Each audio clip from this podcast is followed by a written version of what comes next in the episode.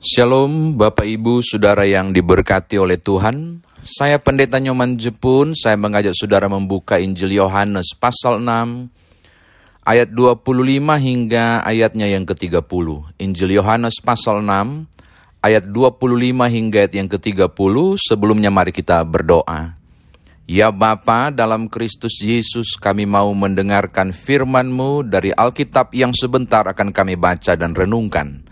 Tolonglah kami agar kami memahami dan mengerti kekayaan firman Tuhan ini dan mampu melakukan dalam hidup beriman kami. Demi Tuhan Yesus Juru Selamat kami berdoa.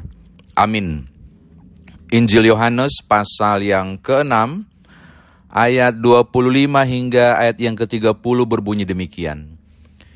Ketika orang banyak menemukan Yesus di seberang laut itu, mereka berkata kepadanya, Rabi, bila mana engkau tiba di sini? Yesus menjawab mereka, Aku berkata kepadamu, sesungguhnya kamu mencari aku, bukan karena kamu telah melihat tanda-tanda, melainkan karena kamu telah makan roti itu dan kamu kenyang.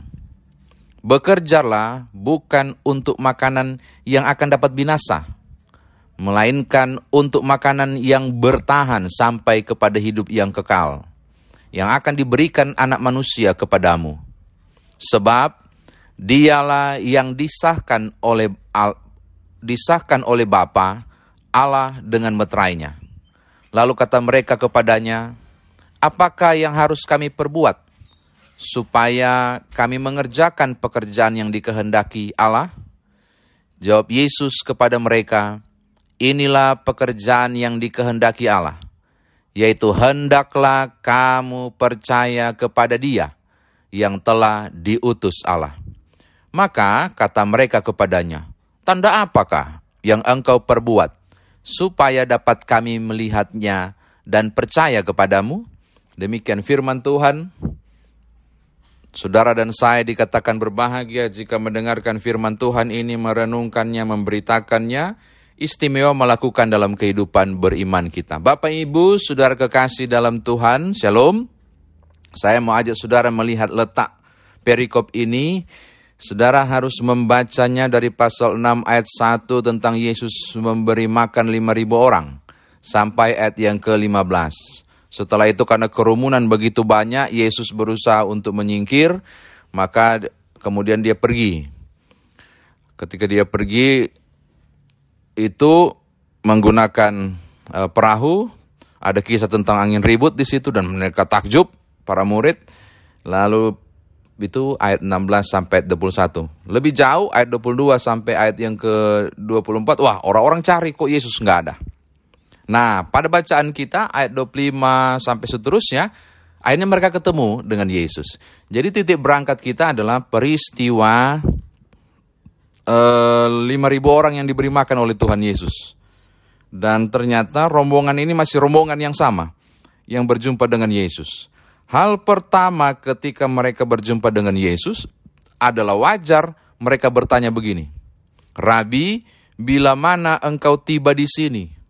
Mengapa mereka tanya begitu? Karena dari ayat-ayat sebelumnya, kan mereka cari. Kok nggak ketemu? Kok menghilang? Ke mana Tuhan Yesus itu? Ke mana Rabi? Jadi mereka tanya, bila manakah Rabi engkau tiba di sini? Yesus tidak menjawab itu. Yang menarik perhatian saya, justru Yesus menjawab begini, Aku berkata kepadamu, sesungguhnya kamu mencari aku bukan karena kamu telah melihat tanda-tanda, melainkan karena kamu telah makan roti itu dan kamu kenyang. Ini ini jawaban yang menarik. Sekaligus tuduhan Bapak Ibu. Motivasi kamu cari saya bukan kamu melihat mujizat, tapi motivasi yang kamu cari cari saya adalah karena kau makan gratis. Kau sudah makan roti itu dan kau sudah menjadi kenyang. Kamu tidak melihat peristiwa itu sebagai tanda tentang kemuliaan Allah. Kira-kira begitu.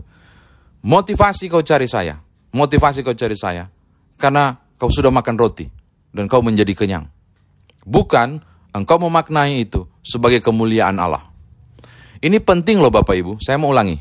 bahwa ternyata Yesus menangkap loh. Yo, mereka nggak bisa bohong karena buktinya pada ayat 30 kan mereka tanya soal tanda-tanda toh. Jadi saya mau katakan hal yang pertama kepada Bapak Ibu, perhatikan baik-baik. Banyak orang, banyak orang melihat mujizat dan ingin mengecapnya. Tetapi tidak melihat itu sebagai tanda kemuliaan Allah untuk membuat orang memiliki sense of wonder, rasa takjub, lalu kemudian menyembahnya dan mengagungkannya. Contoh orang banyak ini. Mereka lihat Yesus memberi makan lima ribu orang dengan lima roti dan dua ikan. Wow, luar biasa. Gitu doang. Ini mujizat dan mereka kejar itu. Mereka tidak melihat di balik mujizat itu adalah tanda kemuliaan dan pengagungan kepada Allah dan harusnya ada suatu pengakuan engkau Allah adalah pribadi yang luar biasa. Ini tidak terjadi. Itu maksud teks tadi. Kalian tidak cari tanda, kalian sudah rasa kenyang dengan roti itu, maka kalian cari aku. Oke, ini catatan saya yang pertama. Yang kedua Bapak Ibu, Yesus menganjurkan hal penting di ayat yang ke-27. Bekerjalah bukan untuk makanan yang dapat binasa, tetapi yang dapat beroleh hidup kekal. Penekanan sangat penting. Ketika engkau mengejar hal-hal yang lahiriah, dan kemudian mengabaikan hal-hal yang rohania dan spiritual, itu celaka besar. Ketika yang engkau cari untuk berjumpa dengan Yesus supaya aku disembuhkan, supaya aku dapat mujizat, supaya aku dapat roti dari lima, lima roti dan dua ikan itu, supaya aku bisa menyaksikan dia membangkitkan orang mati, supaya saya bisa melihat hal-hal yang adikodrati, saya bilang engkau keliru. Itu Yesus punya maksud. Yang engkau cari dan engkau lihat hanya memuaskan matamu. Yang engkau cari dan engkau lihat hanya untuk kehidupanmu yang fana ini. Sembuh dari sakit. Yang kau cari hanyalah untuk sesuatu yang wow dan spektakuler melihat mujizat.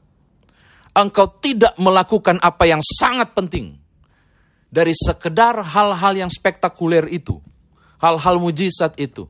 Padahal itu semua hal-hal yang fana. Yang tidak kekal yang kekal lah yang kau cari. Harusnya yang kekal engkau cari. Pertanyaan lebih lanjut. Yang kekal bagaimana yang harus dicari? Ayat 29 bilang, Inilah pekerjaan yang dikehendaki Allah, yaitu hendaklah kamu percaya pada dia yang telah diutus Allah. Oh ini penting Bapak Ibu. Tidak semua orang melihat mujizat itu langsung percaya pada Yesus Kristus. Tidak semua. Orang datang kepada Yesus hanya untuk dapat kesembuhan. Orang datang kepada Yesus untuk dapat diberkati. Orang datang kepada Yesus untuk dapat dipuaskan secara lahiriah.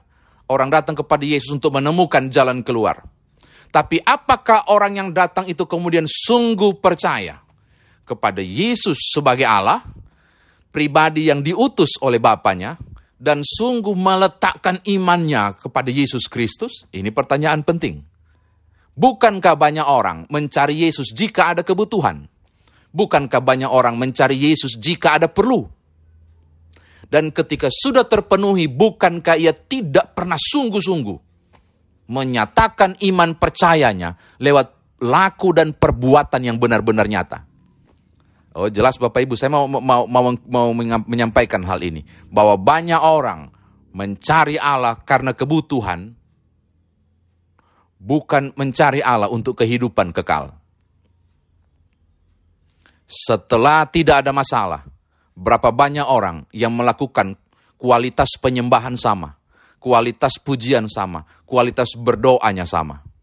Berapa banyak orang yang oleh karena kondisi yang luar biasa, sangat sulit mencari Tuhan dengan luar biasa. Penyembahannya hebat, pujiannya hebat, doanya hebat.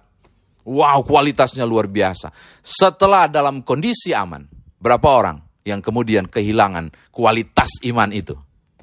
Dan berapa orang barangkali yang kemudian jatuh kembali dalam pencobaan.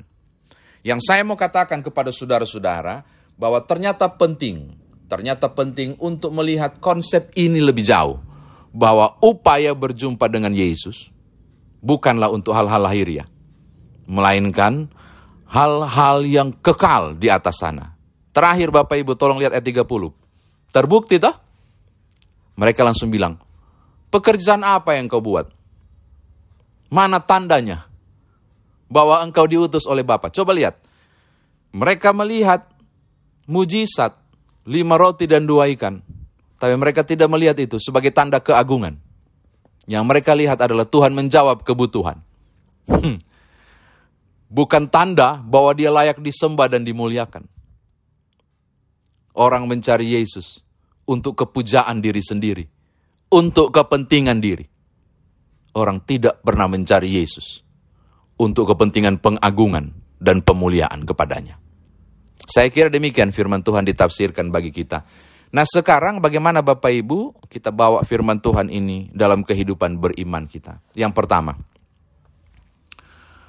jika iman saudara didasari dengan hal-hal yang spektakuler dan wow dan ajaib, engkau menyembah, engkau mencari Yesus karena mujizat, engkau mencari dan menyembah Yesus karena engkau merasa begitu diberkati. Engkau percaya dan mencari Yesus oleh karena hal-hal yang agung dan mulia dan itu fokus saudara. Dan engkau berhasil, engkau mencari Yesus karena keberhasilanmu, engkau mencari Yesus karena kebutuhan masa depan anak-anakmu terpenuhi, engkau mencari Yesus karena berbagai hal yang membahagiakan dan menyukacitakan. Saya mengatakan kepada saudara, motivasi kita keliru untuk bertemu dengan Yesus. Sebab saya khawatir Ketika anakmu tidak bermasa depan, engkau mencerca Yesus. Ketika engkau tidak disembuhkan dari sakit, engkau akan menghujat Yesus. Ketika engkau tidak mengalami berkat-berkat dan mujizat, engkau akan mempertanyakan Yesus. Motivasi sangat penting ketika engkau mencari Yesus. Bukan untuk dia menjawab kebutuhanku hari ini tetapi dialah jawaban kehidupan kekalku kemudian. Bukan cuma soal kekinian, tapi soal keakanan. Maka aku mau berjumpa dengan Yesus dan mencarinya untuk keselamatanku, untuk hidup kekal yang dia janjikan. Kalaupun ikut Yesus, aku tidak dapat makan roti itu. Ini bicara soal berkat. Kalaupun ikut Yesus, ternyata tidak sebahagia yang dialami oleh banyak orang. Kalaupun ikut Yesus, ternyata saya harus jatuh bangun dan ternyata tidak menyenangkan.